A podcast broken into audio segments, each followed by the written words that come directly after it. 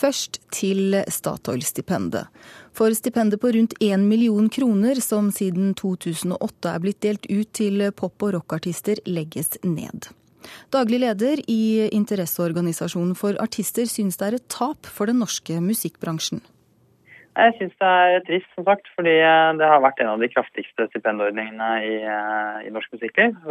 Og det har gitt disse artistene som har fått stipendet, muligheten til å gjøre noe utover hva som ville vært vanlig med de vanlige støttemidlene. da.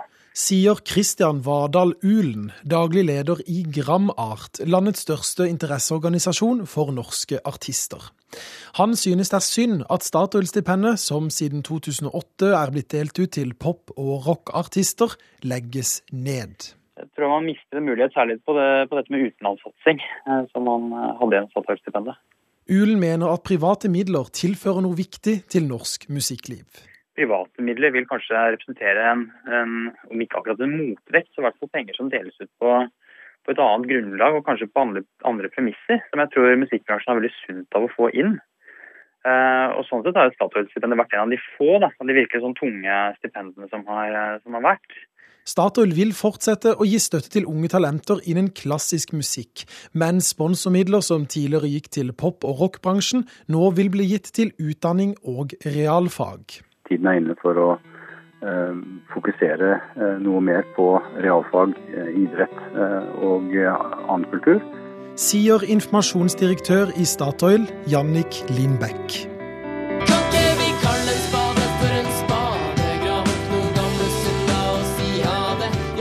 Kråkesølv er et av flere band som har nektet å ta imot Statoil-stipendet fordi pengene kommer fra oljebransjen. Men Lindbekk i Statoil avviser at nedleggelsen av stipendet har noe med dette å gjøre. Ja, det er kommet noe kritikk eh, gjennom disse årene, men eh, vår opplevelse er at eh, i, det, i, det, store og hele så har musikkbransjen stilt seg bak eh, dette stipendet og eh, sett betydningen av det for eh, de artistene som juryen har valgt ut til å få stipendet. Reporter var Christian Ingebretsen. Og Den nye regjeringen ønsker å styrke den private finansieringen av kulturlivet. Men nå legges altså Statoil-stipendet, som i år var på om lag 1 million kroner, ned. Og Rigmor Aasrud, kulturpolitisk talsperson for Arbeiderpartiet. Hva mener du om at en slik stipendordning forsvinner?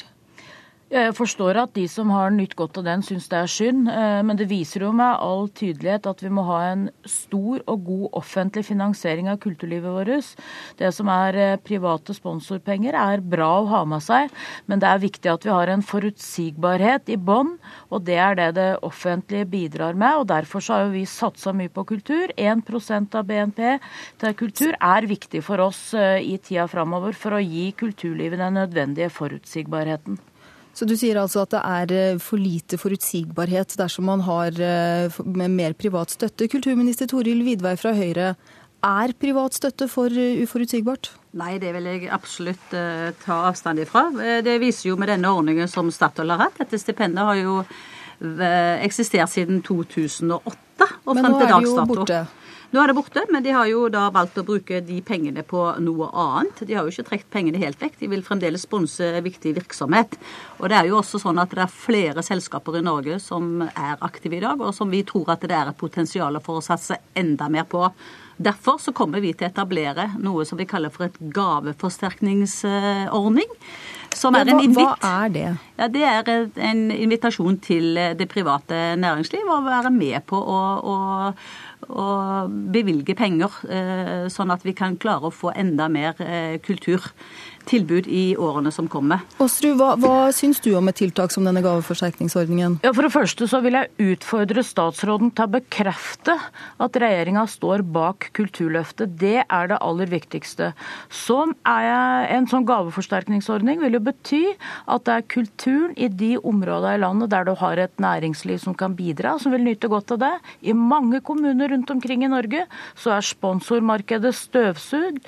Og det vil også være den type kultur som tiltrekker seg stort publikum, som vil nyte godt av eh, spons, eh, sponsa midler. Det er ikke sånn at næringslivet deler ut penger uten å få igjen noe for det. Og da vil man satse på områder der det er stor publikumstilstrømming, og de mer smale kulturuttrykka vil ikke få penger. Vidvei, hvorfor er det så ønskelig å gjøre kulturlivet mindre avhengig av det offentlige? Ja, Det har vi jo ikke sagt at det skal gjøre nødvendigvis at man skal bruke færre midler fra det offentlige på det. Det er veldig viktig å ha en sterk offentlig satsing på kulturtilbud også i framtida. Men vi tror jo det at det finnes eh, mer penger til disposisjon, bl.a. gjennom da private selskaper som kan tenke seg, eller også personer som kan tenke seg å være med på dette her. Og jeg tror det, Vi har jo gode eksempler med dette fra forskningen, eh, som nettopp var med på å bidra til at du fikk utløst mer midler til forskning for noen år siden når man satte i gang. Det tror vi Potensialet tror vi også finnes innenfor kultursektoren. Dere kan ikke ha for stor tro på at de private er eh, villige til å gi gaver til kulturlivet? Ja, altså vi, vi, satser på at det er et potensial ute der, og jeg føler meg rimelig sikker på at det er faktisk flere private selskaper og enkeltpersoner som kan godt tenke seg å være med på det. Åsrud, hva er dine tanker rundt de privates mulighet til å legge til rette for økt støtte til kulturen? Jeg, jeg syns det er kjempebra at private virksomheter er med på å sponse både kultur og idrett, men vi kan ikke la det bli basisfinansieringa. Derfor så er det viktig at vi får på plass det kulturløftet som vi har eh, lansert, sånn at de som jobber i kulturbransjen er trygge for at de har en lønn å leve av gata og slipper å bruke tida si på å farte rundt for å skaffe seg sponsorinntekter. Så får det andre komme på toppen. Men jeg skulle ønske at Vidvei kunne bekrefte at Kulturløftet står fast, at den nye regjeringa vil satse like mye på kultur som det Stoltenberg-regjeringa har gjort. Ja, Vidvei, kan du svare på det? Skal dere, lover dere dette her? Ja, nå holder vi på å jobbe med budsjettet, så det skal eh, ikke ta mange eh, ukene til for det blir kjent for hvor mye vi kommer til å satse. Men kommer dere til å klare å holde 1% Ja, Det vil tida vise. Vi er veldig opptatt av å holde et høyt nivå eh, med å bruke offentlige midler. Men samtidig så ser vi at det er et stort potensial, og jeg er ikke noe engstelig for at vi skal få de private enda mer på lag i framtida. Det, det, er jo merkelig når Høyre er opptatt av at vi skal ha en frihetsreform innenfor kulturfeltet, så skal større del av finansieringa skje av private, som ofte setter ganske presise krav om hva de vil ha igjen. Så det henger jo ikke sammen, den frihetsreformen man annonserer, og den måten man ønsker å finansiere kulturen på i tida framover. Men Åsrud, kan det ikke samtidig være bra at det blir enklere for kulturaktører å få økonomisk støtte fra, fra flere hold? da? Jo, ja, som jeg sier, Vi er ikke imot at private aktører er med på å sponse kulturlivet, men det må ikke gå på bekostning av den offentlige finansieringa. Det er jo det Høyre signaliserer her.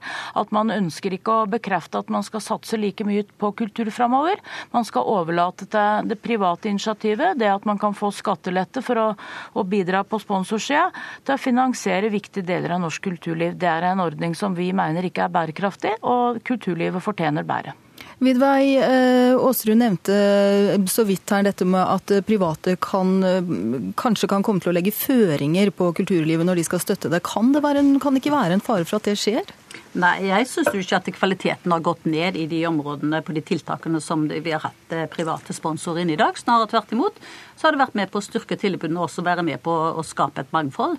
Vi får realisert flere prosjekter enn det som har vært faktisk eh, med bare offentlige midler. Også med den regjeringen som har sittet og styrt fram til nå. Så jeg tror at her ligger det et stort potensial. Og det er klart vi kan gå i dialog med de ulike partene her, og, og både de institusjonene som kan bli en del av denne gaveforsterkningsordningen, og også de private aktørene som kan være med og bidra til at man er sikker på at man har fokus på kvalitet. Ja, hvordan skal kulturlivet lokke finansiører som Statoil tilbake igjen, da, hvis det er et ønske? Nei, Nå skal vi eh, jobbe med denne gaveforsterkningsordningen og komme fram med et forslag på hvordan vi skal gjennomføre det. Og så skal vi klare å markedsføre dette overfor eh, store norske selskaper i Norge som er interessert i å være med på å sponse kulturlivet. Jeg er veldig optimistisk på det. Åsrud er veldig Nei, Aasrud sier Vidvei, eh, vår eh, nye kulturminister fra Høyre, er altså optimistisk på den fronten. Det fremstår ikke som om eh, kulturpolitisk talsperson i Arbeiderpartiet, Rigmor Aasrud, er like optimistisk. Men takk skal dere ha begge to for at dere var med i Kulturnytt. Og mens Carl Seglems Inn i juni toner ut, så toner vi inn på besteforeldre i stedet. For besteforeldres viktigste oppgave er å gi etterslekten et noenlunde bevisst forhold til norsk kulturarv. Og det er ikke noen jobb for pyser når man skal konkurrere mot YouTube og Disney-prinsesser. Ja, Det skriver du i din håndbok for besteforeldre, Toppen Ja, jeg gjør det. Hvorfor trenger besteforeldre en håndbok? Altså, Egentlig det ordet håndbok vet du, det, det skriver seg fra Hakkespettboken i gamle dager. Men egentlig så er det en inspirasjonsbok, da. Men da syns jeg det liksom ble litt Jeg likte bedre det andre, for det er et eller annet som ringler i hodet på oss med det ordet håndbok. Jeg ser for meg Ole og Dole og Doffen komme, komme med liksom togene inn. Så det er noe skal bo, en bok hete. Og det var veldig vanskelig å finne en tittel, for den heter jo også Farmor mormor. Og egentlig så er jo jeg bare mormor, men jeg kunne jo ikke utelate alle farmødrene, og så kom bestefedrene til. Og, og favne om alle? Ja, jeg prøvde å favne alle, men det ble dårlige titler av alle sammen. Så nå ble det noe hetende det, da. Så da ble det en håndbok for disse dagens besteforeldre. Men er det sånn at eh, besteforeldre i dag har et eh, større behov for litt sånn hjelp eller veiledning enn man hadde tidligere? Altså, Jeg kan ikke si at jeg har lest noe om det før. Ja, det er på tide at vi også får en, en håndbok, da. Fordi vi er jo ubetalte, uunnværlige på alle vis. Ufaglærte kan man jo også si vi er.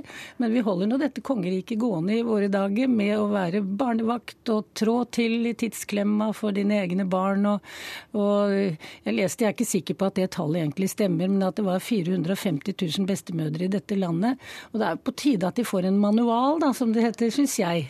Men det, også var det en veldig lyst til å skrive boken. Ja, for boka den, den, er, den er blitt ganske så personlig? Ja, den er det. Og eh, Altså jeg har jo Forlaget har mast i, i, flere år, fire år, på at jeg skulle gjøre denne boken. Men jeg har eh, syns det har liksom vært litt unødvendig. For jeg er ikke flink til verken å hekle eller strikke eller ha karse i vinduskarmen eller ikke noe god til å bake. Jeg kan egentlig ikke noe av det en bestemor skal kunne. Men jeg er jo glad, glad i å preike, da. Og eh, så har jeg jo Begynte jeg jo Altså da barnebarna mine var store nok, så begynte jeg å fortelle. Og Derfor er den blitt personlig. For hva har jeg fortalt? Jeg forteller ting fra min egen barndom og får deres kommentarer på den. Og så etter hvert da, så oppdaget jeg, som jeg fortalte, at det gikk på en måte på skattejakt i mitt hode. For jeg husket mer og mer. Og jeg ble egentlig veldig betatt av min egen barndom. Og da jeg satt og skulle skrive dette her, av og til så gråt jeg så snørr og tårer haglet. Fordi at plutselig så poppet det opp en masse ting som jeg trodde var Jeg visste ikke at det var der engang, så det har vært veldig moro. Ja, og den, Det å finne ting tilbake som man kanskje ikke husket at var der engang, det der, litt av kulturarven ja. som jo, jo, du sier er så viktig for besteforeldre å bringe videre. Hvordan skal man få til det da i dag når man slåss mot så mye annet av informasjon og filmer? Og... Ja, Du må jo prøve å legge, legge, det på et nivå hvor barna også har glede av det. da. Ikke sant at Selvfølgelig kan du alltid du kan alltid sette deg og se på Bergmanns Tryllefløyten med, med alle disse morsomme kostymene og sånn, og det kan du få dem til å tenne på.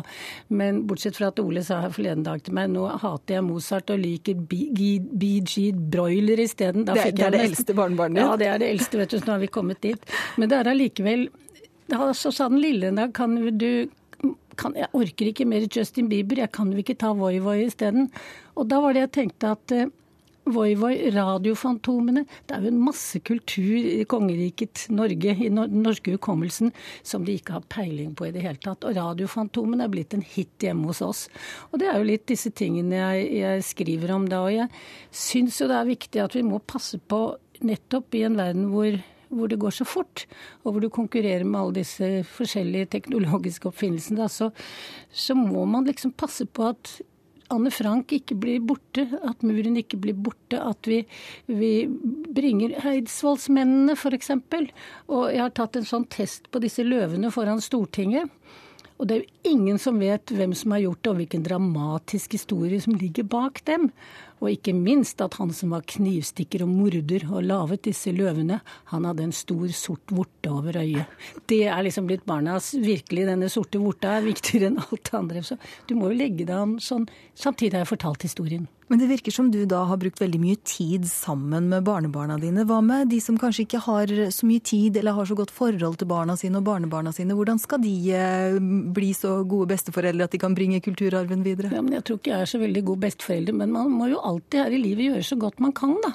Og så er det jo det at jeg syns jo, etter at jeg begynte med dette prosjektet her, så det var faktisk initiert av en legevenn jeg har, som plutselig hadde satt seg til å skrive liksom om, om sin barndom. Og han hadde tegnet bilder av disse radio, reise, første reiseradioene og alt mulig sånt, for å gjøre nettopp skape noe som sine barnebarn skulle ha etter han. Så det var i grunnen det som var den store inspirasjonskilden til at jeg ville gjøre det. Og så tenkte jeg at Tenk deg om mine barnebarn viser denne boken til, til uh, sine barn igjen, som da blir mine oldebarn, som jeg aldri skal møte. Og da skriver jeg faktisk i boken at da må dere gå ut, og så må dere synge 'Bestemamma Ravn', se opp på stjernene, og da blinker jeg tilbake. Da blinker mormor tilbake. Da er og, du med, altså? Ja, og det går faktisk an å, å, å, skrive hvis man gidder det, da. Men hva man i hvert fall kan gjøre, det er å, å gå tilbake i sin egen barndom og Altså jeg er overbevist om at min barndom er mine barnebarns beste eventyr. Det er ikke tvil om det. Og at krigen er det virkelig det store temaet. Nå er jo ikke alle besteforeldre som er så gamle som meg, da. Så de har jo ikke opplevd krigen. Men selv den enkleste historien er mye, mye morsommere enn det du leser i bøkene. Altså. Så, så men, men, da de som, eh, de som, skal titte i boka di, hva er det de finner der? Er det tips og gode råd, eller hva, hva finner de egentlig? De finner litt av allting. Det lurer jeg også på. jeg har faktisk skrevet ut av lyst og glede, eh, side etter side. Og jeg har jo fortalt en god del av disse tingene som skjedde i min barndom. Og jeg fortalte på min måte. Og så har jeg selvfølgelig fått barnas aksept eller barnas motstand. Eller, så det har liksom blitt et samspill også igjennom. Da. Så det er jo blitt en generasjonsoverlevering. Og det, det er jo, Kina sier man jo at kulturen går i arv fra besteforeldre til barnebarn. Og, og, men det er å være litt sånn dønn til stede, tror jeg. Jeg tror det er så enkelt som det. Og ikke bare sette på TV-en med en gang. Jeg har f.eks. tips når du spør om det til filmer. Eh, det er klart du kan se på Walt Disney eller slå på NRK, med all respekt. Eh, det kan du alltid gjøre. Men vi kjøpte på salg en gang Astrid Lindgrens samlede. Og, da, og den, den går hele tiden hjemme hos oss, istedenfor at vi bare trykker på det TV-apparatet og får et eller annet som det ikke er god mening i. Så det gjelder å snakke om tingene, da. Om Gud og sånn snakker vi veldig mye. Han derre Gud, han prater vi om. Så det å bruke tid sammen, ta seg tid og snakke med hverandre, det er det viktigste. Altså, takk skal du ha, Toppen Beck, som både er mormor, journalist og forfatter, og nå også har skrevet en håndbok for mormødre og andre ja. besteforeldre. ja inspirerende sådan. Da er med det Kulturnytt, Kulturnytt, slutt for i dag. Du har da bl.a. hørt at Arbeiderpartiet mener nedleggelsen av Statoil-stipendet viser at privat støtte til kulturlivet er uforutsigbart, men kulturminister Widberg fra Høyre sier den nye regjeringen har tro på privat støtte. Teknisk ansvarlig i dag Lars Tronsmoen, produsent Halvor Haugen. I studio Elisabeth Tøtte Hansen.